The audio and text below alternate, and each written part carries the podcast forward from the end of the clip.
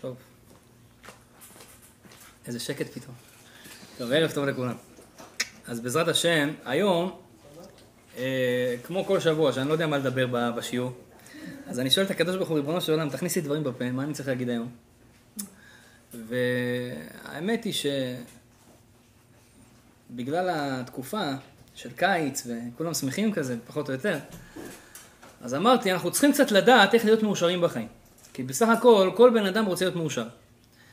וחיפשתי לעצמי, אני משתף את זה איתכם, מתכון להיות בן אדם מאושר. אבל מתכון שיעבוד, לא מתכון, ש... מתכון של מקצוענים. איך אנחנו, כן, יכולים להיות מאושרים. למה אני קורא לזה מתכון? כי זה מורכב מכמה רכיבים, כן? כמו שהיה, פעם אחת אמרו לי, טוב, אני לא רוצה לדבר על עדות, אבל אומרים שיש כל מיני עדות עצבניות. אז מה כתוב להם, ב... מה, מה כתוב להם ב... בספר מתכונים, בפתיחה של, ה... של הספר מתכונים? קודם כל תירגעי, אחר כך זה יעבוד משהו. אבל המתכון פה, האמת קודם כל תירגעו, צריך להירגע, בשביל להיות מאושר בחיים צריך להיות רגוע, אבל לא על זה אנחנו באנו לדבר, פעם כבר דיברנו על כעס. מה שאני רוצה לדבר היום זה כמה מרכיבים שיעשו אותנו אנשים הכי מאושרים בעולם. וזה בעצם, אנחנו נצא מפה, בעזרת השם מי, ש... מי שיזכה ליישם את הדבר הזה, מי שיזכה ליישם את הדבר הזה, אני אוהב אותך. אז זה, מי שיזכה ליישם את הדבר הזה, אז הוא באמת, אה, באמת יהיה מאושר. זה לא אני מבטיח, זה הקדוש ברוך הוא מבטיח. אז בעזרת השם, אה, כמה נקודות. אז האמת היא, נקודה ראשונה, ש... שכולנו צריכים ללמוד, אומרים חכמים, שכל יהודי ויהודי, במה מתבטא העובדה שהוא יהודי? אומרים חכמים, יהדות זה כוח הסליחה. מה זה כוח הסליחה? יהודי, יש לו כוח, כמו שהקדוש ברוך הוא יודע לסלוח לנו על כל הדברים, יהודי יש לו את הכוח לדעת לסלוח לכל דבר בעולם. שמעתי היום סיפור, במקרה, על uh, אחד בשם uh, uh, הרב לייכטר, משהו כזה. Uh, הוא איש זקן בבני ברק, שלפני הרבה שנים, הבן, הנכד שלו, אולי שמעתם על הסיפור הזה, הנכד שלו עלה לאוטובוס של הבית ספר, והנהג שכח את הילד הזה באוטובוס. והוא סגר את האוטובוס והלך. ואחרי הרבה שעות הם נכנסו לאוטובוס, ולצערנו הרב, הילד הזה, מהחום שיש בארץ, הוא נפטר. והסבא הזה, אה, כל המשפחה היו בשוק. עכשיו, הסבא הזה, זה סבא שלו. הדבר שהכי הפריע לו, זה מה הנהג מרגיש. כי הנהג לא עשה את זה בכוונה. כולנו עצבנים על הנהג, כל המדינה הייתה עצבנית על הבן אדם הזה. שתבינו. אבל הסבא הזה אמר, קודם כל אני מוחל לו בלב שלם. אני מוחל לבן אדם הזה בלב שלם, אני, אני סולח לו. הוא לקח לי את הנכד, אבל אני סולח לו. הוא הסביר שם מאמר ארוך למה הוא סולח לו. אבל מה שאהבתי, הוא ממש התקשר לנהג ואמר לו, אני רוצה שתבוא לנחם בשבעה. והם הפיצו שלטים בכל בני ברק, כן? שאנחנו משפחת לייכטר מודיעים בזאת שאנחנו לא מקפידים ואנחנו סולחים בלב שלם לאותו נהג שעשה מה שעשה. ומפיצו, ומבקשים בכל בן אדם שבבקשה לא ינדו את הבן אדם הזה ולא יסתכלו עליו בעין רעה. בקיצור, הוציאו מכתב שלם והפיצו אותו בכל בני ברק. ואני מאוד התרגשתי שראיתי את זה. כי בן אדם, כשחווה כזאת טראומה גדולה, וגם אני זוכר, המשפחה של אשתי היה להם גם אותו דבר, שאח של אשתי הוא נדרס, כשהיה ילד בן חמש. פעם אחת דיברתי על זה עם חמי, והוא אמר לי שהיה משפט. וחמי בבית משפט עמד, והוא אמר לשופטת שהוא לא רוצה שיענישו את הנהגת שדרסה אותו. והוא הסביר לי גם למה. הוא אמר לי, מה העניין שעכשיו גם היא תסבול? הרי היא יהודייה, והיא אישה טובה, והיא לא באמת רצתה לעשות את זה בזדון. וקרה מה שקרה. אז למה שהיא תסבול? ואני מאוד התרגשתי שהוא אמר לי את זה. כי לאבא שאיבד בן, להגיע לרמת סליחה כזאת גבוהה, של אני לא רוצה שיענישו אותו. בדרך כלל מה בן אדם אומר? שינקמו בו. אבל תראו איזה, איזה, איזה גדולה. וזה העם היהודי רבותיי. העם היהודי, יש לנו כוח של סליחה. והכוח הזה הוא כוח מנצח. שמישהו ילמד את הכוח הזה, הוא ידע שבאמת אתה יכול לפתור את כל הבעיות שלך בחיים ולהיות הבן אדם הכי מאושר בעולם.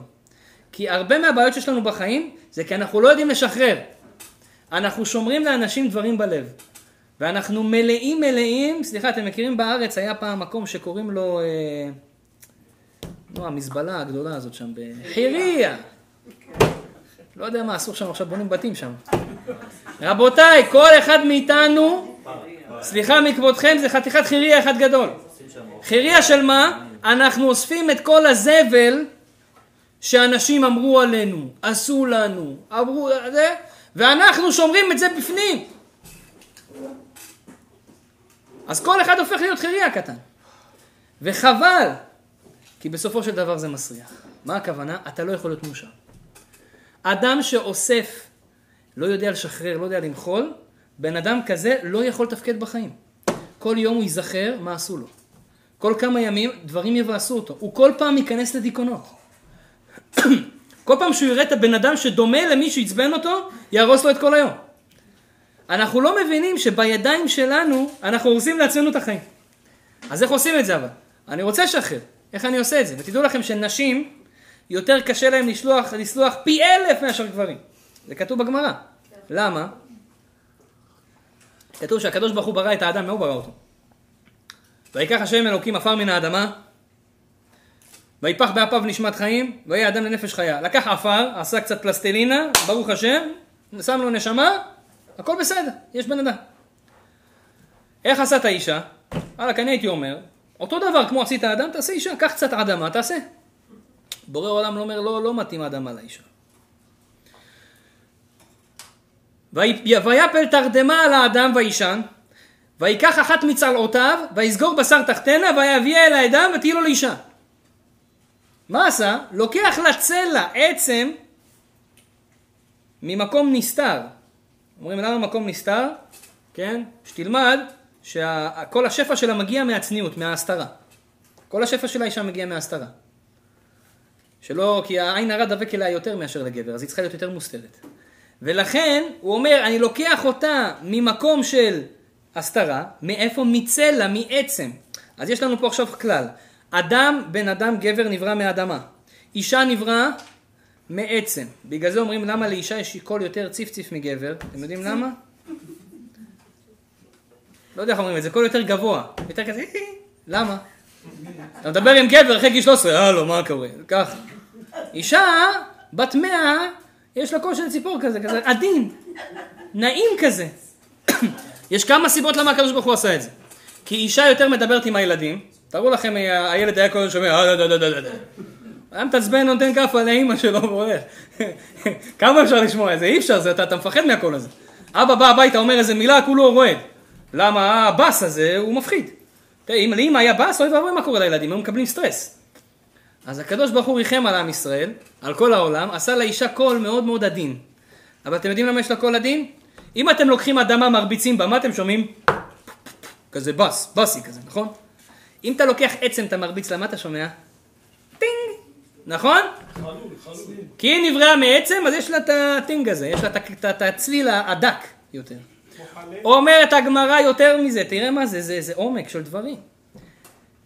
אם אתה לוקח עכשיו, תקח איזה מקל, תעשה שריטה באדמה. עוד כמה, עוד כמה שעות, יבוא קצת רוח, יכסה. תעשה שריטה בעצם. במקרה הטוב, זה גם בגלגול הבא, זה... עדיין זה נשאר. אומר, אדם שמעליב גבר, זה כמו שאתה עושה שריטה בחול. אה, אחרי כמה זמן, יאללה, שכחתי, לא זוכר. אדם שמעליב אישה, עושה שריטה בעצם. אתה בן 180, מזכירה לך, אתה זוכר מה היה בחתונה של רותי? וואלה, לא זוכר מי זאת רותי בכלל. חתונה ש... אז מה? היא זוכר, למה? זה פגע בה, נחרט, זהו, זה נכנס לסיסטם, בהארד דיסק, זה לא נמחק, זהו. אז ככה זה. אז הוא אומר שנשים הן יותר, הן פחות צלחניות מגברים. למה? כי אצלהם זה חרוט חזק. זה לא אומר שזה בלתי אפשרי, אבל זה יותר קשה. למה אני אומר את זה? כדי שגברים יבינו, הרבה, אני, באו אליי הרבה גברים ואומרים, היא לא סולחת לי. חמישים פעם ביקשתי סליחה, ודי, מספיק כבר, כמה אפשר. את צריך להבין, ככה, ככה השם ברא אותה. השם יעזור לה בעזרת השם, אבל ככה הוא ברא אותה. צריך, צריך להיות בסבלנות. היא צריכה להתגבר על זה. אבל, ככה זה. אבל אומרים חכמים, שנכון שאנחנו נסרטנו, מישהו העליב אותנו, אבל צריכים ללמוד לשחרר. איך אנחנו לומדים לשחרר? הרבה פעמים בא לך בן אדם ואומר לך, תשמע, אוקיי, צריך לסלוח, אבל איך אני אסלח? אני צודק. אם אני הייתי לא צודק, כן, אתה צודק, אני צריך לסלוח. טעיתי, לא מקפיד.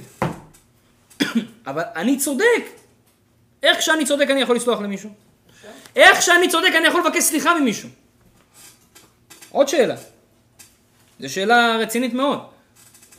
בן אדם רב עם אשתו, אומר לך, תשמע, אם אנחנו נשאל את כל העיר, כולם יגידו לך שאני צודק. אתה רוצה שאני אבקש ממנה סליחה? אותו דבר, אישה גם חושבת ככה, שהיא צודקת. אז מה עושים? אומרים חכמים שסליחה ולסלוח זה לא קשור למי צודק. אספר לכם סיפור. היה שתי גדולי עולם לפני 200 שנה, הגאון מווילנה ורבי שניאור זלמן מילדי, בעל התניא. זה שכתב את הספר התניא. כן? לאימא שלי קוראים תניא. אז תמיד אני אומר לאנשים, אבא שלי זה בעל התניא. אז תיזהרו, אני הבן של בעל התניא. בכל מקרה, אז, אה, אז אה, אה, רבי שניאור זלמן מילדי, בעל התניא. למה קוראים בעל התניא? כי הוא כתב ספר שקוראים לו תניא, אז הוא בעל של הספר הזה, הוא, הוא כתב אותו. מחלוקת הגאון מבין לבעל התניא. בנושא מה? בנושא כשרות. יש בהמה, חיה, שוחטים אותה, אסור עדיין לאכול. צריכים לבדוק את הריאות, כן? אני במקרה שוחט, אני אגיד לכם, מכניסים את היד בתוך הבהמה וממשמשים את הריאה. הריאה צריכה להיות חלקה. זה מה שנקרא גלת כושר. גלת ביידיש חלק. גלת, חלק. אם יש כל מיני פצעים, זה טרף. אם יש חור, טרף לגמרי. אם יש פצעים, יש בזה מחלוקת. הגאון מווילנה אומר, תשמע, אם אתה מרגיש את הריאה, יש איזה פצעון קטן, אבל הוא ישר טיק טק, תוך שנייה, מתקלף, מתקלף ונשאר חלק. זה פצע שזה בסדר, זה כשר. הוא חלש מאוד, אתה זה ונשאר חלק אחרי שאתה מגרד אותו, זה כשר. בעל התניא אומר לו, והם מוכיחים, כל אחד יש לו הוכחות, צריך שיהיה חלק מההתחלה. לא שאתה מוציא את הפצע ואז חלק, חלק מההתחלה. הגאון מווילנה אומר, בשר כזה כשר, עם פצע קטן שאתה מוציא זה בסדר, בעל התניא אומר זה לא כשר. היה ביניהם ויכוח גדול. החסידים האלה היו אוכלים, זה לא היו אוכלים, זה היה אומר זה לא כשר, זה אומר זה כשר. פעם אחת שם לב בעל התניא שהגאון מווילנה מאוד מאוד אה, נפגע, כן? שהוא חולק עליו כל כך בחריפות. כתב לו מכתב ואמר באיזה שיעור שלו גם, אני רוצה לבקש מחילה מכבוד הגאון מווילנה על שאני חלקתי עליו בהלכה, אני מבקש סליחה. אבל אז הוא אמר לחבר'ה שלו, זה שביקשתי סליחה, זה לא אומר שאני עכשיו סובר מה שהוא סובר. אני עדיין חושב שמה שהוא אומר זה טרף, ואני צודק. אבל זה לא קשור לזה שאני צריך לבקש סליחה. אני פגעתי בבן אדם, אני עדיין צודק, אבל אני פגעתי בבן אדם, אני צריך לבקש ממנו סליחה. ולכן אני אומר לכם רבותיי, אני אומר את זה לעצמי, לבקש סליחה זה לא קשור לאתה צודק או לא צודק. אתה יכול להיות הכי צודק בעולם. פגעת בבן אדם בדרך הידברות שלך איתו, אתה צריך לבקש ממנו סליחה. והצד השני צריך למחול. כי הגמרא אומרת שאם יש יהודי שלא סולח, הוא אכזרי. מה זה אכזרי? אנחנו לא אכזריים. כן, אתם אכזריים. אם אתה לא סולח ליהודי אחר, אתה אכזרי. ובורא עולם מסתכל עליך. יש כלל בתורה, כלל שאני הכי אוהב בעולם. מידה כנגד מידה. איך שאתה מתנהג עם הקדוש ברוך הוא, הקדוש ברוך הוא מתנהג איתך. בורא עולם מסתכל עליך ואומר, תגיד לי, כשבן אדם מעליב אותך, כשבן אדם תוקף אותך, כשאשתך תוקפת אותך, אתה סולח לה? את סולחת לו אחר כך? כשהוא מבקש סליחה, את סולחת לו? אם את לא סולחת לו, למה כשאת עושה דברים נגדי אני אסלח לך? הרי את בעצמך לא יודעת לסלוח. בורא עולם אומר, אם אתה אדם סלחן, אני סולח לך על הכל. לא משנה מה תעשה בחיים, תבקש מהשם סליחה, השם במקום סולח לך, הכל נמחק. אבל אם אתה בן אדם לא סלחן, אתה לכולם אתה שומר, אתה חירי הקטן כמו שאמרנו, אוסף את כל הזבל בתוכך, ואתה שומר את הכל בלב, אז השם אומר אם אתה לא סולח איך אני אסלח לך, אני עובד מידה כנגד מידה. אז זה מעלת הסליחה רבותיי. אני רוצה לספר לכם סיפור קטן, אולי סיפרתי לכם את זה בל"ג בעומר, אם כן, אני לא זוכר, כי אמרתי את זה באיזה מקום, אני לא יודע אם זה פה. אבל טוב להתחזק בזה שוב, גם אם אמרתי. סיפור שמעתי מבעל המעשה. סליחה, מחבר של בעל המעשה. היה, יש את הרב חיים קנייבסקי בבני ברק, זכותו תגן עלינו, איש צדיק וקדוש, למעלה מגיל 90. הוא, יש לו את החבר'ה המקורבים אליו, שלומדים לידו והכל. היה אחד מהאנשים שלומדים אצלו בבית מדרש, שקיבל את המחלה, לא עליכם.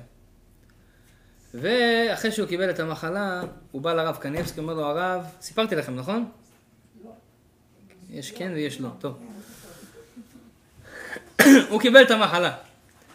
אחרי שהוא קיבל את המחלה, הוא הלך לרב קניבסקי, אמר לו, הרב, תברך אותי. הרב בירך אותו, ומאוד הצטער כי הוא אדם קרוב אליו. אחרי כמה חודשים זה, זה החמיר, ואז הוא בא לרב עוד פעם, אומר, תשמע הרב, הרופאים כבר אומרים שזה מצב ממש גרוע, אני חושב שאני צריך ללכת לרבי שמעון בר יוחאי, כי רק הוא יכול לעזור לי. קבר רבי שמעון במירון. אצל רבי שמעון יש ישועות גדולות. אבל אמרתי, לפני שאני אלך לרבי שמעון, אני אלך לרב שלי, מורי ורבי הרב חיים קניבסקי, לקבל גם ברכה שלך, וגם את רבי שמעון ביחד, אולי זה יעשה איזה רעש בשמיים. הוא בא לרב קניבסקי ואומר לו, ואז הרב קניבסקי יושב איתו והוא מתחיל להזכיר לו דברים שקרו איתו פעם. הוא אומר לו, אתה זוכר לפני עשר שנים, הייתי אצלך בבית? הוא אומר לו, כן.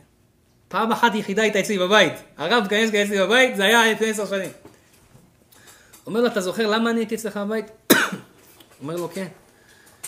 אשתי, היה לה בן אדם שיצא איתה בשידוך לפני שהתחתנה איתי, וזה נגמר ביניהם מאוד רע.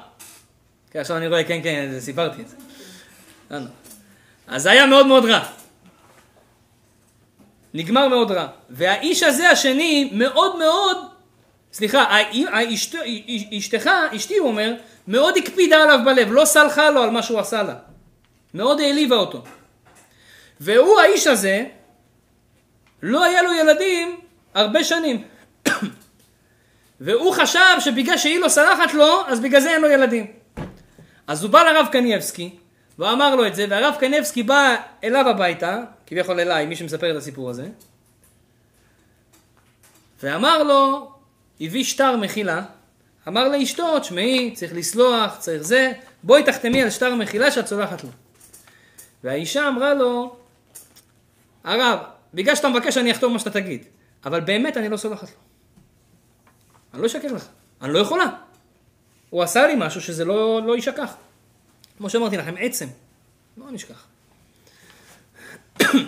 אמר הרב קנסקי, טוב, אני לא יכול להכריח, אני משאיר לכם פה את השטר מחילה, משאיר לכם את זה בבית, תחשבו על זה טוב, תחזירו לי את זה. מלא או לא מלא, מה שאתם חושבים. אחרי יומיים מגיע אליו אותו בן אדם שחולה בסרטן לפני עשר שנים, מגיע אליו מה שאתה אומר, אשתי מחלה בלב שלם. דיברנו על זה, היא עשתה התבודדות, דיברה קצת עם הקדוש ברוך הוא, היא הבינה שהיא צריכה למחול, למחול לו בלב שלם, היא, סלחה לה. אומר לו עכשיו, עשר שנים אחר כך שהוא חולה במחלה, אומר לו הרב קניבסקי, אתה זוכר, אמרתי לך לשמור את השטר הזה בבית?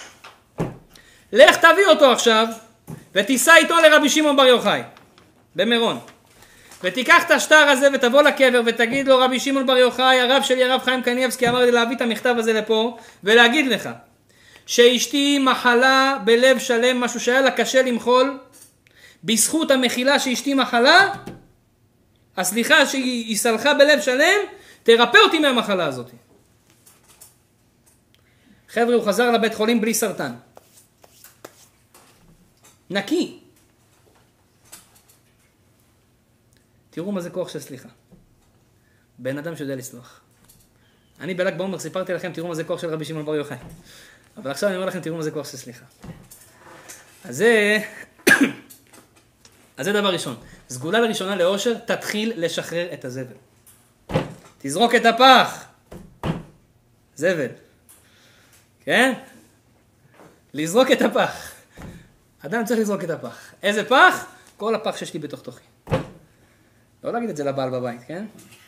תזרוק את הפח. זבל, לא להגיד לו את זה ככה. אם אתה לא עושה את הפסיק במקום אחד, זה משנה את כל המשפט. נחמוד לי זה.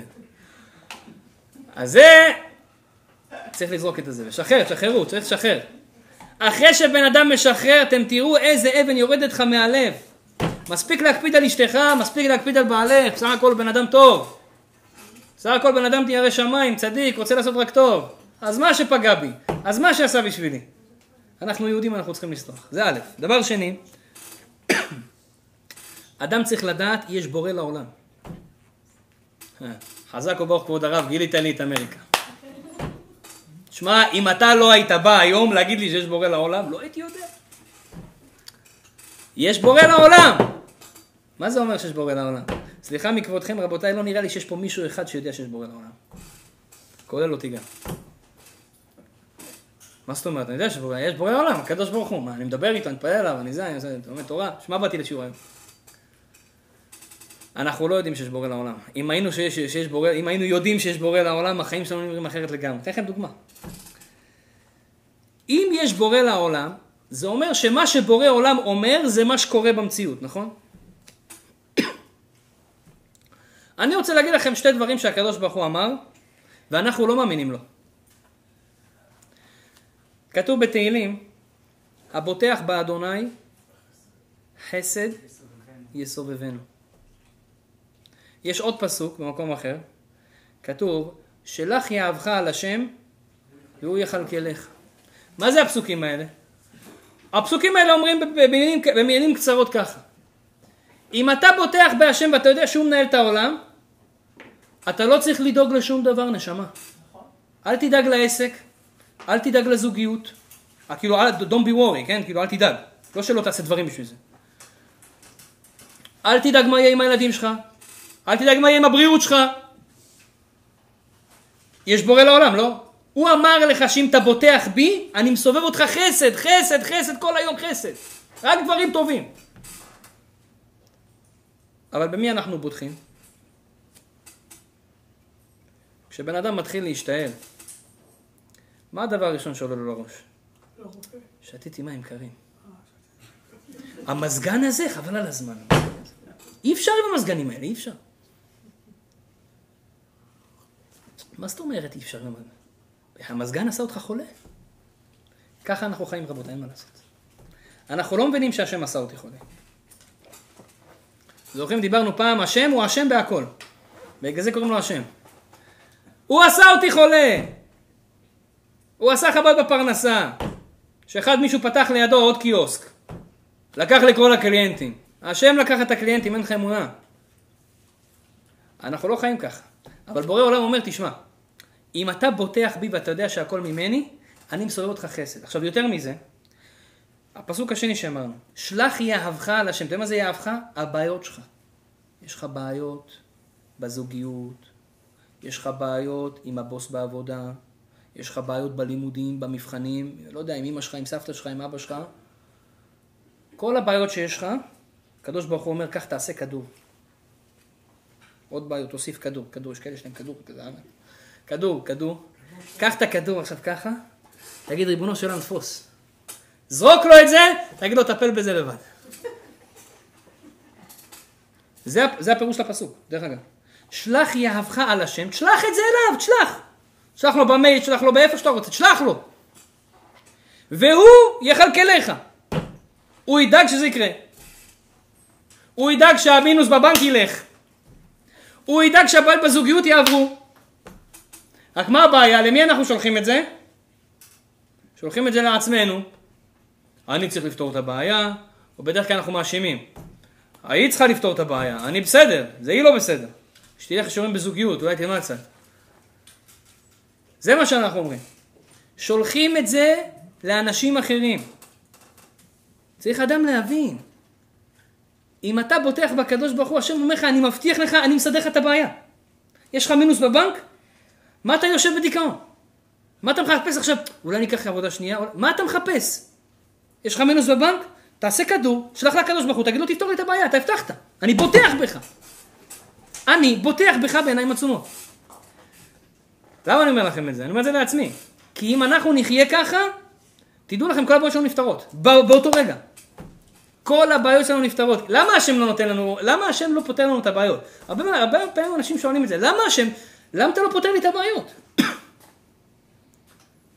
כי אתה לא שולח לי את הבעיות שאני אפתור לך אותן. אתה משאיר את הבעיות אצלך. תבטח בי שאני זה היחיד בעולם שיכול לעזור לך ואני אעזור לך. תראה לי ששום דבר בעולם לא יכול לעזור לך. זה שמעתי פעם מהרב אהרון לוי, אחד מהמרצים הבכירים בערכים. הוא אמר, סגולה הכי טובה שתפילתך תתקבל בשמיים. כל תפילה. תגיד לקדוש ברוך הוא, ריבונו של עולם, שום דבר בעולם לא יכול לעזור לי. לא ההורים שלי, לא כסף, לא בריאות, לא שום דבר לא יכול לעזור לי. רק אתה יכול לעזור לי, אני מבקש ממך שתעזור לי. נשאר לי רק אותך, מה אני אעשה? אם אדם יחיה ככה, ודאי וודאי שהשם יעזור לו. זהו. אתה תהיה פשוט בן אדם מאושר. בכל הבעיות בחיים. בגלל זה הרבה אנשים באים אליי, בעיות של זוגיות, בעיות של פרנסה, אין לי כסף. מישהו אמר לי השבוע. אין לי כסף. אמרתי לו, גם לי אין כסף. מה? בוא נהיה חברים.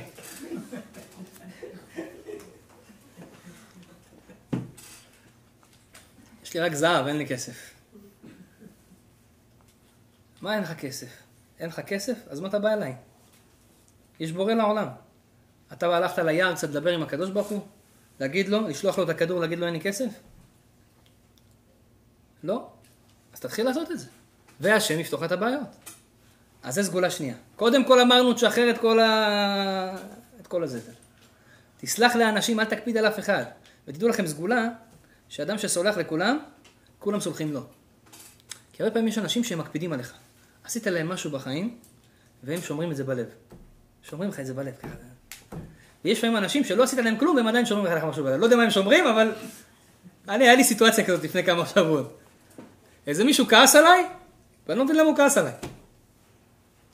הוא דמיין איזשהו סיפור, דמיין, ממש דמיין, ואז כשהסברתי לו שהוא דמיין, הוא אמר, בוא'נה, אני מצטער, זה היה דמיון. לפעמים אנשים כועסים עליך בלי שעשית להם כלום. ואז, אם אתה אדם שלומד לסלוח לאן אחרים, הקדוש ברוך הוא אומר, אתה סולח לכולם, אני אגרום לכל העולם לסלוח לך, אף אחד לא יקפיד עליך בחיים. ואז אין עליך דינים. אתם יודעים מה זה דינים? דינים, עין הרע, כל מיני בעיות שחוסמים לנו את המזל. מה חוסם לנו את המזל? הקפדות של אנשים. אם אתה סלחן, כולם סולחים לך. דבר שני, תלמד להבין שיש בורא לעולם. הוא דואג להכל, תשלח את הכל אליו, תשלח את הכל אליו, תאמין שהוא יכול לסדר לך את הכל. אתה תהיה מאושר. אנחנו לא מאושרים כי אנחנו דואגים כל הזמן, הכל על הכתפיים שלנו. הכל על הכתפיים שלנו. צריך לעבוד, צריך לגדל, צריך לעשות, צריך זה, הכל אני כמה, אני לא יכול, אני לא מספיק. תתחיל להבין שאתה לא דואג לכלום בעולם הזה. אתם יודעים, אני, אני מקנא בילדים קטנים. ילד קטן, בן חמש, כשהוא הולך לישון בלילה, אין לו דאגות. אתם יודעים למה? כי הוא יודע שבבוקר אני אקום, אמא תעשה לי סנדוויץ'. והיא תכין לי תיק, והיא תסגור אותה ככה, תשים לי אותו על הגב, היא תשים לי מכנסיים, היא תשים לי חולצה, היא תקלח אותי. יש כאלה שהיא תגלח אותי גם, מסכנים. כן? היא תעשה לי הכל. יש כאלה ילדים קטנים, אתה עם שערות כבר, אתה בר מצווה, אה? היא עושה לו את הכל, מביא אותו לגננת, הגננת דואגת לו לאוכל, דואגת לו לכיסא בגן, דואגת לו שיהיה לו טוב, דואגת לו שיהיה לו חם, דואגת לו שיהיה לו קר, הכל. מסודר. למה הוא לא דואג? אתם יודעים למה? הוא אדם מאמין. במי הוא מאמין? הוא מאמין באימא שלו, באימא שלי. בגלל זה כל הערסים אומרים לך, באמא שלי, למה? הוא חסיד שלה. אתה יודע איזה אמונה יש לו בה? היא דאגה לו מגיל קטן, פעם אחת אחי היא לא, היא, לא- היא לא, אה, היא לא פיקששה. רבותיי, אנחנו ילדים של הקדוש ברוך הוא. בורא עולם ברא אותנו, הוא עשה, הוא עשה אותנו. אתה בורנו, אתה יוצרנו. מה אתה, תהיה כמו ילד בגן, מה אתה מפחד? תאמין בהשם שהוא יעשה לך את הכל, זהו. למה הוא לא עושה לנו את הכל? כי אנחנו לא מאמינים בו, זה הכל, זה פשוט מאוד. אז זה כלל שני. כלל, כן. הכל מספיק, הכל, הכל, ברגע האמת, אה, רגע, מתמוטט לך. אין מה לעשות. נו, זה הניסיון, אם לא היה- לא את זה, אז מה שווה החיים? ל- שמה? לזכור את הקדוש ברוך הוא? כן. כל דבר בעולם זה עניין של, של הרגל. מה הכוונה? ברגע שדבר מעסיק לך את המוח כל הזמן, אתה תזכור אותו ברגע האמת. למשל, אתן לך דוגמה לגבי כעס. אדם שהוא כעסן, כל דבר מדליק אותו. מדליק. כל דבר הוא נדלק. אז אה, איך פותרים את הכעס? שמעתי מהרב דיאמנט, הוא אמר ככה, ממליצים לו כל יום לקנות ספר על כעס. קוראים לזה הסר כעס מלבך.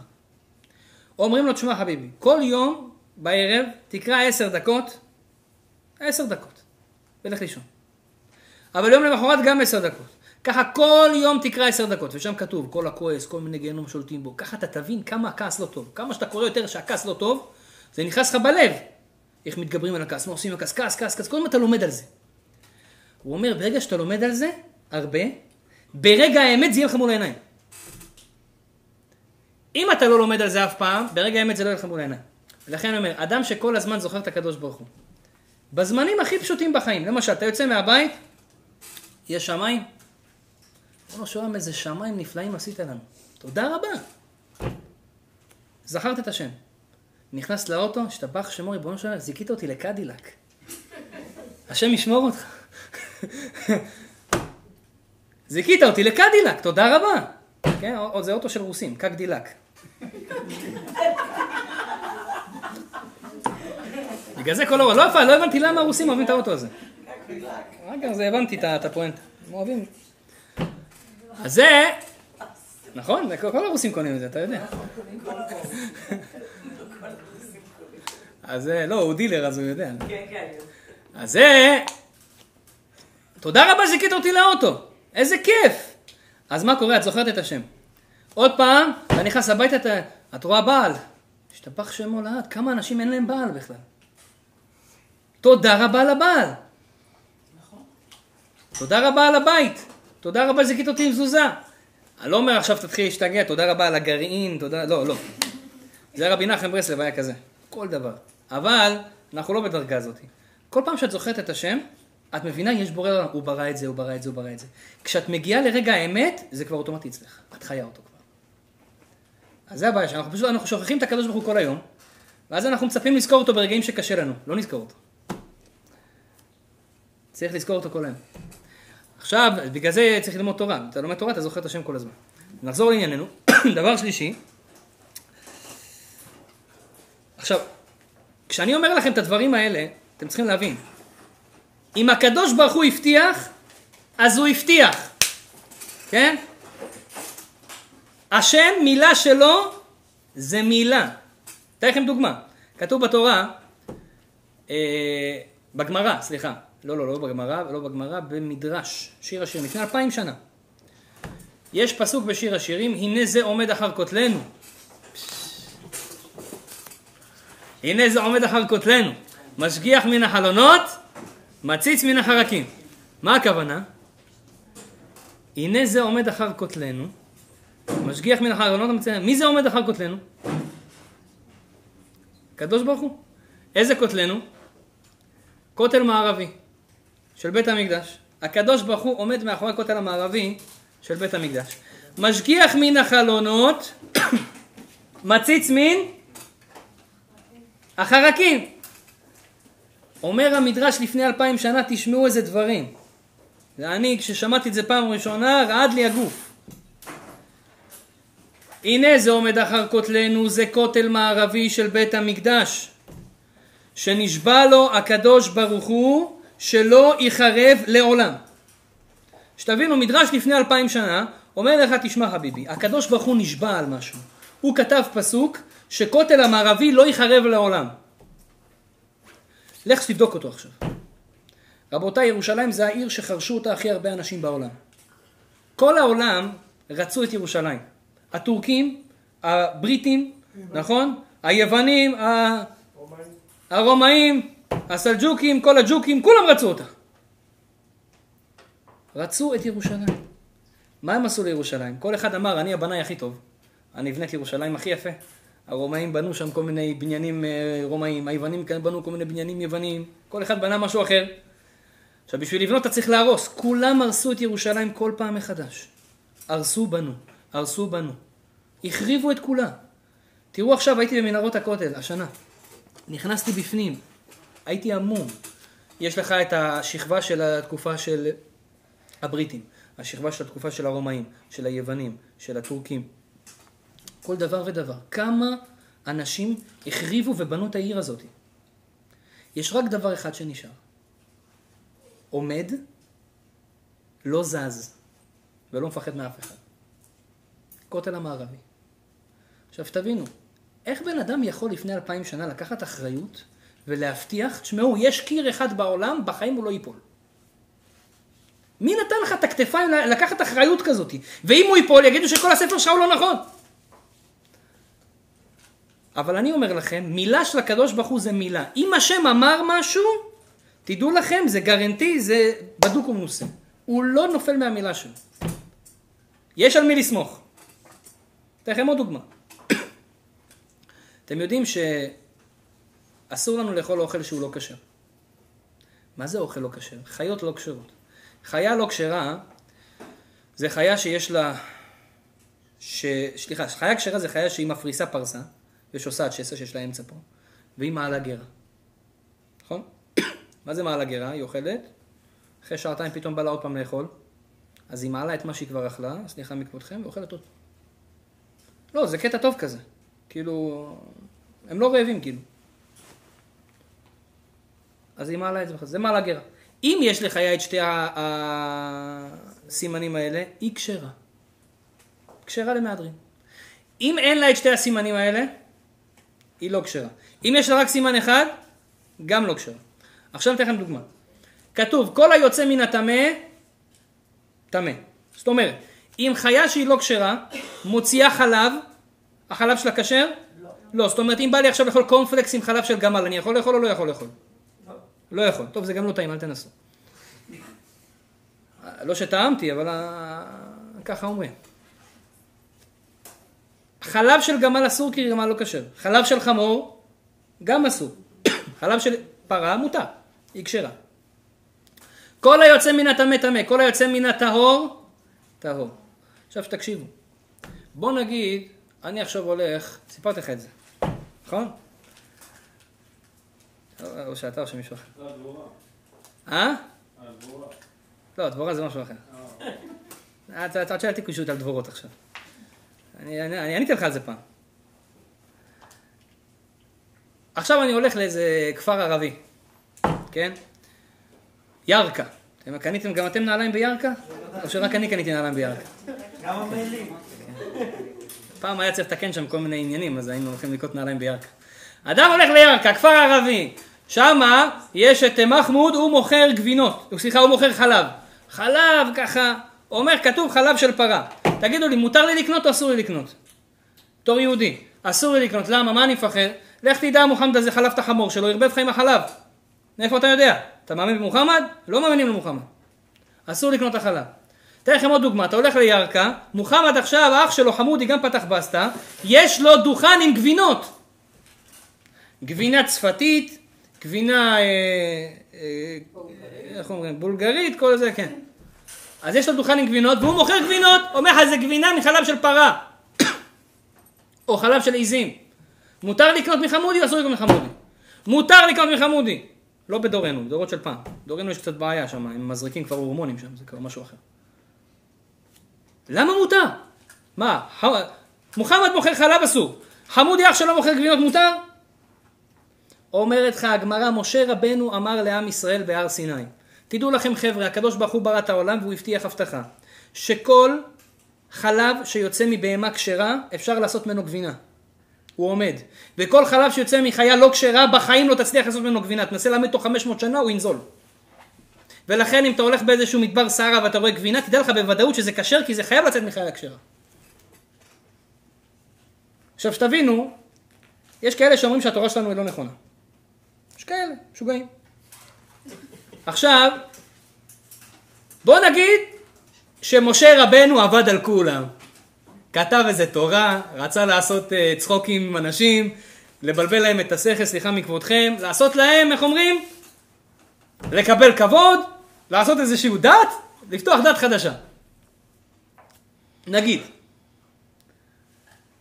למה שהוא יכתוב בתורה שלו כזה דבר כמו שאמרתי לכם עכשיו?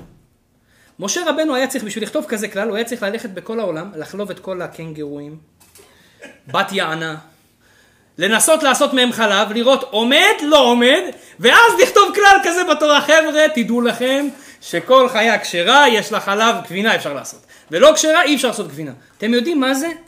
וכי משה רבנו היה באוסטרליה, הוא חלב קנגרו? אז מאיפה אתה יודע, אולי הקנגרו גם עומד לו החלב? אפשר לעשות מזה גבינה? הוא אומר לך, אני קיבלתי את התורה מהשם, ואם השם הבטיח, אז השם הבטיח. למה אני אומר לכם את כל זה? קודם כל להבין שהתורה שלנו זה משהו בלתי הגיוני בכלל. דבר שני, מילה של השם זה מילה. אם בורא עולם אומר לך, אם אתה תזרוק לי את כל הבעיות שלך, אני אפתור אותן? רק תאמין בי. אתה לא מאמין בי, אתה מאמין ברופא. אתה מאמין בפייסבוק. אתה מאמין באינטרנט. ביוטיוב אתה מאמין שיעזור לך לפתור את הבעיות שלך, אני אומר את זה גם על עצמי. יש לך בעיות, אתה לא יודע איך לשתול עציץ בגינה, לאן אתה הולך ישר? לגוגל, לרב יוטיוב, נכון? ילמדו אותך לשתול את כל העציצים הכי טובים. בכל הצבעים. אנחנו סומכים על העולם, אנחנו לא סומכים על הקדוש ברוך אני לא אומר לכם שזה לא טוב ללכת ולשאול אחרים, אבל אם באמת היינו מאמינים בהשם ושולחים לו את הבעיות שלנו, הכל היה נפתר. הבוטח בהשם, חסד יסובבנו. אדם שבאמת בוטח בהשם, רק חסד יהיה לו בחיים. זה סגולה שנייה להיות מאושר. סגולה שלישית להיות מאושר. אומרים חכמים, אדם צריך לדעת להגיד תודה. מה הכוונה?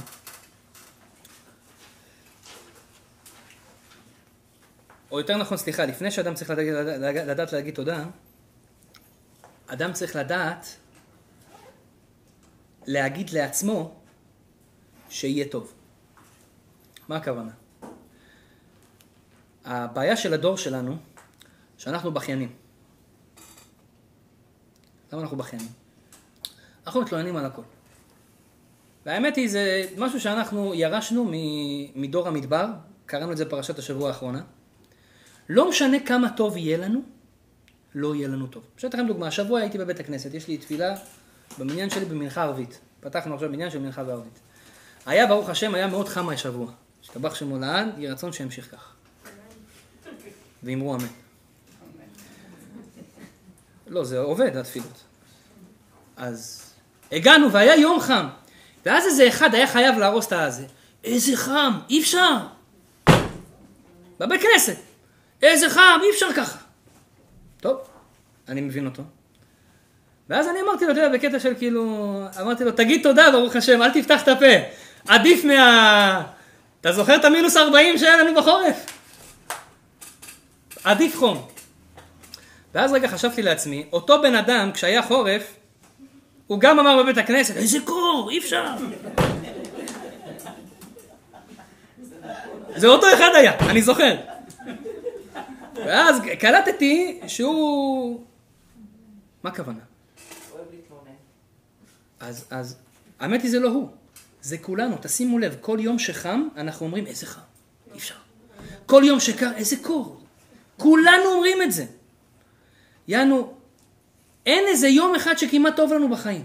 אולי היה כאלה קצת ימים, איזה שלוש, ארבע, חמש, עשר ימים שאמרנו, איזה מזג אוויר נעים. יענו, נהנינו עשר ימים בשנה. זהו. אנחנו בכיינים. עכשיו תבינו, תלמדו קצת היסטוריה. זה טוב ללמוד היסטוריה. מאוד מאוד טוב. על פי שהילדים בב- בב- בבית ספר לא אוהבים ללמוד היסטוריה. פעם איזה ילד אחד ראיתי אותו, הוא אומר לי, חבל שלא חייתי לפני 5,000 שנה. אמרתי לו, למה? הוא אומר, הייתי צריך ללמוד פחות היסטוריה. חבל. צודק. אנחנו חיים בדור האחרון, וואי כמה יש ללמוד. אבל, נכון. אבל זה טוב, למה? אנחנו לומדים מטעויות שלהם. עכשיו, אתה לומד היסטוריה, אתה קולט, מי שלומד היסטוריה קולט, שלא הייתה תקופה בעולם כמעט טובה כמו התקופה שלנו. בקטע של שפע, טכנולוגיה, זמינות, קלות, בגדים, אוכל, מכוניות, אתה מגיע לכל מקום שאתה רוצה בעולם בשנייה, אתה מדבר עם כל מי שאתה רוצה בעולם בשנייה. לא היה בעולם תקופה יותר טובה מזאת. לא היה. אתה יודע איך אנשים היו חוגגים, היו, אנשים בהיסטוריה חוגגים היו בתקופה שלנו? אתה יודע מה זה לנסוע באוטו כשהם היו צריכים להסתחב על גמלים? אתה יודע מה זה לשלוח לאשתך טקסט שהיא בארץ ישראל? במקום לשלוח יונה דור שמגיעה אליה אחרי שבוע וחצי ואולי גם מתה בדרך שמישהו צד אותה? לא, באמת. איזה כיף זה. עכשיו מה? ואנחנו מתלוננים. הוא לא עובד מהר, האייפון נתקע לי. תזכור את היונה דואר, תזכור. מה נתקע לי? לא, אני אומר את זה לעצמי. אנחנו לא מעריכים כלום, אנחנו כאלה מפונקים, כל כך טוב לנו ואנחנו הכי בכיינים בעולם. וזה מה שגורם לנו להיות עצובים בחיים. כי אנחנו לא פותחים את העיניים ולא לומדים היסטוריה, ולא מבינים מה שיש לנו בחיים. מה יש לך בחיים? נולדת לדור הכי טוב בעולם. פעם נשים היו מתלבשות עם סמרטוטים. לא היה להם את הכיף הזה של נשים עם, הלבוש. פעם אישה שהייתה צריכה לשים כיסוי ראש, אתם יודעים איזה, איזה הקרבה זה? איזה הקרבה זה ללכת עם כיסוי ראש? היום יש לך אופנות. זה יותר יפה כיסוי ראש משיער. אני אומר לכם את זה באמת. יותר קל, אנחנו בדור כל כך טוב, רק מה הבעיה? אנחנו לא מסתכלים על זה. וזה מה שגורם לנו, זה מה שגורם לנו לא להיות מאושרים. אז מה עושים? אדם צריך לדעת, קודם כל תתחיל לפתוח את העיניים ותבין שקודם כל הכי טוב לי בעולם. קודם כל תבין את זה. דבר שני, גם אם אתה סובר שלא טוב לך, הקדוש ברוך הוא אומר ככה, אדם שאומר, יש לו כוח באמירה שלו. אם אתה תגיד, הכל טוב, הכל בסדר, אז אתה כבר תראה שהדברים יתחילו להסתדר. באת לבית, הבית על הפנים. יש בעיות, יש סידורים, יש עבודה, יש הרבה דברים לעשות. אתה לא יודע מאיפה להתחיל. יהיה טוב, יהיה טוב, אני אצליח היום. אני אצליח, יהיה לי טוב. תדעו לכם, כבר 50% הצלחה יש לו. כבר 50%. בורא עולם אומר, אם אתה אומר יהיה טוב, אני אומר יהיה טוב. אם אתה אומר יהיה רע, אני אומר יהיה רע. זה מתכון שלישי לאושר. מתכון רביעי לא- לאושר. זה מי שרוצה להיות באמת שמח בחיים. אומרים חכמים,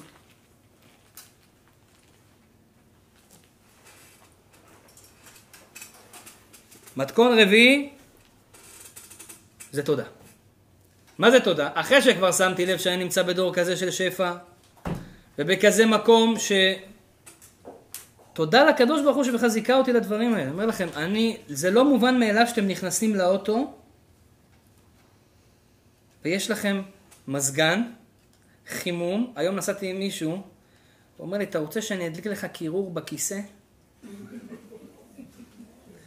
אמרתי, חימום בכיסא אני מכיר, קירור בכיסא עוד לא הכרתי.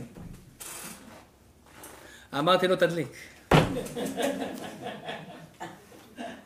לא, באמת. איזה כיף של חיים. אתה בא, יש לך, יש לך חנייה. אנשים בארץ, בתל אביב, מסכנים, אין להם חנייה. יש לך חנייה, איזה כיף, השם, תודה, רק לרקוד עשר דקות שיש לי חנייה, אני אומר לכם. תודה שיש לי חנייה. אתם יודעים איזה מעצבן זה כשאין לך חנייה? אי אפשר ככה. אני גרתי בתל אביב, אני יודע מה זה. אי אפשר לחיות ככה. בגלל זה אנשים עצבנים, כי אין חניות. כן, יש כאלה מתחילים לעשות עסקים עם הקדוש ברוך הוא, איזה אחד נסע, אז אמר לקדוש ברוך הוא, ריבונו של עולם, אם אתה מסדר לי חניה תל אביב, אתה מסדר לי חניה, אני מגדל פאות, אני עדתי, אני שומר שבת, וזה, פתאום הוא רואה איזה מישהו יוצא, לא, לא, תודה רבה, הסתדרתי כבר, תודה.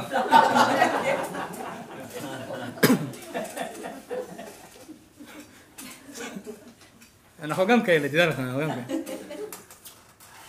איזה כיף שאתה בא הביתה, יש לך מזגן.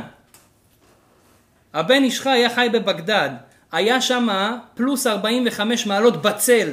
כשהוא היה עושה דרשה לכל החכמים, היו באים בשבת רגילה שלושת אלפים איש לבית כנסת. לפני מאה שנה. שלושת אלפים איש לבית כנסת. חרדים, אתם יודעים איך הם מתלבשים? פעם ראיתם את הבן איש חי? כן, יש לו כזה, הוא המציא את הבובו. אתם יודעים מה זה בובו? ההמצאה שלו. צריכים לתת לו זכויות יוצרים. היה בא, עכשיו הוא היה לו כיפה מלמטה, מעל זה היה לו בובו כזה, כן? זה אנשים שיגידו חם לי עם הכיסוי ראש, זה הבן איש חי בעולם הבא יגיד להם איך אני הלכתי, אז זה הוא, הוא, הוא יוכיח אותם. אז זה, הוא היה הולך עם זה, היה לו שמונה בגדים עליו, כל יום. הרב קוק, אתם יודעים כמה ציציות יש לו? 49 ציציות. והוא חי בטבריה, המקום הכי חם בארץ. והוא לא מזיע. טוב, זה עולם אחר. הבן איש חי, היה שם שלושת אלפים אנשים באים עם בגדים, חום של 45 מעלות בצל, לבן איש חי היו שתי אנשים שמנפנפים לו במניפה, היה דורש שעתיים וחצי כל שבת. כולם יושבים מחכים, בלי מזגן, שעתיים וחצי, דוחק. בשביל לבוא לשמוע תורה. ואנחנו? עכשיו התלוננתי בתחילת ההרצאה שקצת חם לי, ופתאום נהיה מזגן, אני לא יודע, אולי אתה עשית משהו? לא? הקדוש ברוך הוא הקשיב לי. איזה כיף! איזה כיף! השארתי עם חליפה. אנחנו לא מעריכים. אז אדם צריך לדעת קודם כל, תלמד להגיד לקדוש ברוך הוא תודה, מספיק להיות כבר כפוי טובה. אנחנו כולנו כפויי טובה. הילדים מעצבנים אותך, מעצבנים אותך. תעצור שנייה, תגיד, ריבונו של עולם, תודה רבה בך שיש לי ילדים. שיהיה לי צעקות בבית, שישברו לי צלחות. תודה שיש לי ילדים. תשמח. אנחנו לא אומרים תודה, אבל אתם יודעים מה הכי קשה? זה להגיד תודה על הדברים הרעים. אה, זה כבר, זה עד פה. גם שם אני צריך להגיד תודה? השם נתן לי חוב של מינוס 30 אלף דולר בבנק, אני צריך להגיד לו תודה? הגמרא אומרת, חייב אדם לברך על הרעה, כשם שמברך על הטובה. איך מברכים על הטובה? השם נתן לך לזכות במיליון דולר בלוטו, מה אתה עושה? תודה השם, תודה רבה! השם נתן לך חוב של מינוס 30 אלף דולר בבנק, מה אתה צריך להגיד? תודה השם, תודה רבה! זה הלכה. מי מקיים את זה היום? הלכה. למה השם מצפה מאיתנו להגיד תודה על דברים רעים? זה לא מובן. יש לך בעיות בשלום בית, צריך לצאת להגיד תודה, ריבונו שלום, תודה רבה שעשית לי בעיות בשלום בית. איך אפשר להגיד דבר כזה? תודה רבה על בעיות בשלום בית? אומרת הגמרא, תדע לך, שזה שאתה רואה את זה רע, זה יש לך בעיה בראייה, אתה צריך ללכת ללייזיק MD שיעשו לך לייזר. אתה לא רואה את המציאות בכלל. אתה לא מבין כמה טוב זה. אעשה לכם סיפור, אני שמעתי את הסיפור הזה נראה לי מהרב יגאל כהן, אני חושב שהיה פה. סיפור אמיתי שהוא שמע מהחבר שלו. חבר שלו ברסלב, ברסלבר, אתם יודעים, הברסלברים, יש לנו הרבה מה ללמוד מהם. אנשים שמחים, הנקודה הזאת של להגיד תודה על הכל, אצלהם זה חזק מאוד. אתם יכולים לראות איזה פתאום, אתם שומעים איזה צעקה איפשהו, תודה! תדע לך זה איזה ברסלב ביער שאומר תודה לקדוש ברוך אני כבר מודיע לכם עכשיו, בעיקר אתם תשמעו את זה בארץ ישראל, אבל גם פה לפעמים יש כאלה צעקות. תלכו לדפרין פארק שם, לפעמים הם... אה, אוקיי, בכל מקרה, היה לו חבר כזה ברסלבר, הוא היה אדם כאילו עם קצת כסף וזה, היה חילוני, הוא קנה מרצדס אדומה. שמעת את זה? קנה מרצדס אדומה. שמעתי את זה ממנו. עכשיו, מרצדס אדומה, עכשיו בן אדם חזר בתשובה, והוא עדיין עם מרצדס אדומה, עם פאות וזה, כאילו. הוא התחתן, ואז אשתו כזאת צדיקה וזה, אומרת לו, תשמע, בא לי כאילו, אנחנו גרים בירושלים כזה, אתה יודע, חרדים, אתה עם מרצדס אדומה, זה לא כל כך צנוע, אולי תחליף את האוטו. אמר וואלה, אני אחליף את האוטו. עשה איזה שלט למכירה, בא איזה ערבי אחד. אומר לו, תשמע, מי, מי יבוא לקנות מרצדס אדומה בינינו? כן? רק הם קונים את הדברים האלה. אה, בא איזה ערבי, הוא אומר, אני רוצה לקנות את זה. הוא אומר לו, תשמע, אז הוא אומר לו, בוא, תראה לי איך הגז עובד, איך הקלאץ', איך הזה. אז הוא מראה לו, אומר לו, לא, אתה לא יודע לזה, אני רוצה להרגיש. זה כמו, אני רוצה להרגיש. אתם יודעים איך הרב מוצפי פעם סיפר איך, איך, איך, איך הערבי בודק רכב אם, הוא, אם טוב לקנות אותו. הוא אומר, הכל זה תלוי בצופר. אם הצופר מצפצף טוב, זה רכב טוב. אם הצופר לא מצפצף טוב, אל תקנה! ככה הם יש להם, זה קבלה מאבות אבותיהם. בכל מקרה, אז הוא בדק את הרכב, אומר בוא אני אתן לו קצת גז, הוא אומר לו טוב קח, בתמימות. מה הערבי עשה? הלך נתן גז וברח, לקח לו את האוטו. ההוא נזכר בשיעור שורה שהוא שמע, שצריך לברך על הרעה כשם שברך על הטובה, והוא כל הדרך אומר תודה השם שלקחו לי את המרץ הזה, תודה רבה, אני יודע שזה לטובה, אני יודע שזה תודה רבה. אחרי חודש מקבל טלפון, משטרה, מצאו לך את הרכב, תבוא תיקח אותו. בא לקחת אותו, הבחור צבע את הרכב לשחור, ועכשיו הוא יכול לשמור אותו כי זה לא אדום. השתבח שמולד. הקדוש ברוך הוא לא אוהב אותנו? אוהב אותנו. אתם יודעים מה זה לצבוע רכב? 400-500 דולר. חינם. על חשבון הערבי. מה יותר טוב מזה, רבותיי? תודה לך השם שלקחת לי את האות. אנחנו לא מבינים מה השם טומן לנו בפנים. אמרתי לכם לפני כמה פעמים. אנחנו לא מבינים. זוכרים שאמרתי לכם שהתבטלה לי הטיסה? התבטלה לי הטיסה. הייתי צריך לנסוע לסבא שלי שנפטר. התבטלה לי הטיסה. אמרתי, מה, ריבונו שואל, איך אתה מבטל לי את הטיסה? מה אני אעשה? אני צריך ללכת לשיעור של, של סבא שלי. מתקשר עוד פעם, עשו לי טיסה חדשה, יותר זול. הכל מהשם, צריך להיות בשמחה. אז אומר, אדם צריך לדעת לברך על הרעה כשם שברך על הטובה. מה הסגולה בזה? אומרים חכמי הקבלה, תקשיבו טוב. אם אדם יכול להגיע לרמה שאומר לקדוש ברוך הוא, ריבונו של עולם, תודה רבה שנתת לי מינוס בבנק, תודה רבה שעשית לי בעיות בשלום בית, תודה רבה שיש לי בעיות בעסק, תודה רבה שהילדים צורכים וזה לא נעים, ועושים בעיות, כי אני יודע שזה טוב, תודה רבה לך. הוא אומר, פה מתחיל הישועה שלך להגיע כבר. עמדת בניסיון. הבנת שהכל מהשם. הבנת שהשם מגלגל את הכל, הצלחת להגיע לרמה של צדיק אמיתי, להגיד תודה גם על הדברים הרעים. עכשיו השם מתחיל להושיע אותך כבר, זהו, נגמר. ברגע שאמרת תודה על הרעה, אתה כבר בעלייה. אתה כבר בעלייה. וזה הכלל של החיים. מתכון לאושר רבותיי. תשחרר את כל הזבל, תלמד לסלוח לאנשים. דבר שני, תדע לומר לקדוש, לא אמרנו, מה אמרנו? תדע לומר לקדוש ברוך הוא, תדע שיש בורא לעולם, שהוא מנהל את הכל, ואם אתה משליך עליו, הוא יפתוח את כל הבעיות בחיים. דבר שלישי, תגיד טוב, יהיה טוב. תפסיק להתבכיין, תראה כמה בדור טוב אתה הגעת, איזה מקום יפה אתה נמצא, ואין יותר טוב ממה שאתה נמצא בו. ודבר אחרון, גם כשיש דברים רעים, תאמר עליהם תודה. וברגע שתאמר עליהם תודה, כבר תדע, אתה כבר מתחיל לעלות. אז זה הכלל. ומי שעושה את זה, זה קשה מאוד. אבל מי שעושה את זה, אומרים בגמרא, לא פסיק חוכא מפומה. לא מפסיק לו החיוך מהפנים. אין לו למה לדאוג, כי הכל על השם.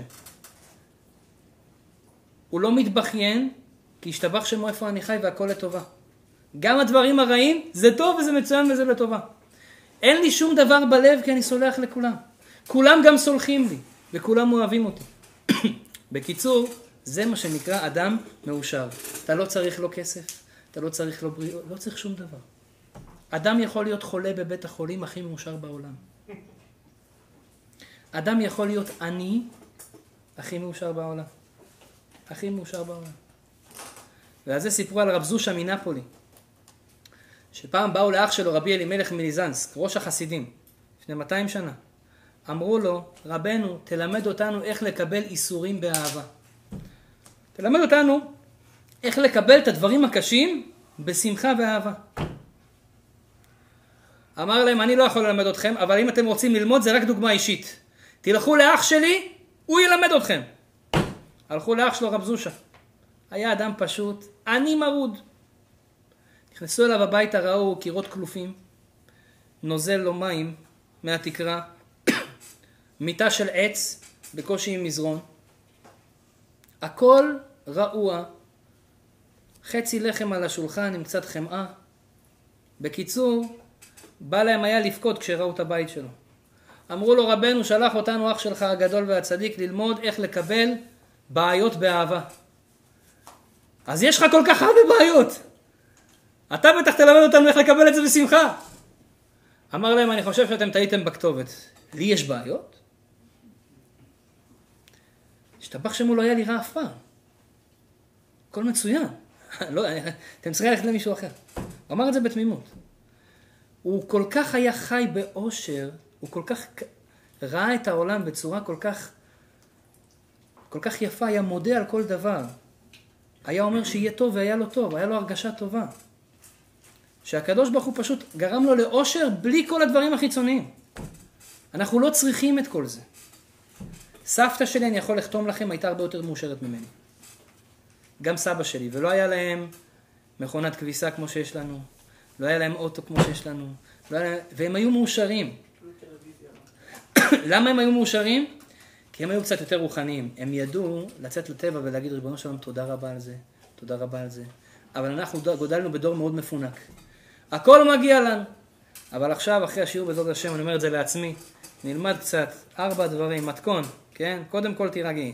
אחר כך, בעזרת השם, ארבע הדברים האלה, מי שיעשה אותם, סגולה בטוחה, שיהיה הבן אדם הכי מאושר בעולם. ואז כשהוא מאושר, אתם יודעים מה, הדר, מה הדבר הבא? תגרום גם לאנשים אחרים להיות מאושרים. כי אם אתה מאושר לבד, אז מה זה שווה? צריך גם שאשתך תהיה מאושרת. והבנים שלך יהיו מאושרים, וכולם יהיו מאושרים. יהי רצון שהקדוש ברוך הוא יזכה אותנו, את כל עם ישראל, להיות האנשים הכי מאושרים בעולם. בעזרת השם נשמח כל רגע ורגע בחיים שלנו. וכל קושי שלא יגיע, אנחנו נבין, ריבונו של עולם, תודה רבה לך, ורק נשיר ונשבח את הקדוש ברוך הוא על זה. ברוך אדוני לעולם, אמן ואמן. יש למישהו שאלות או קדיש?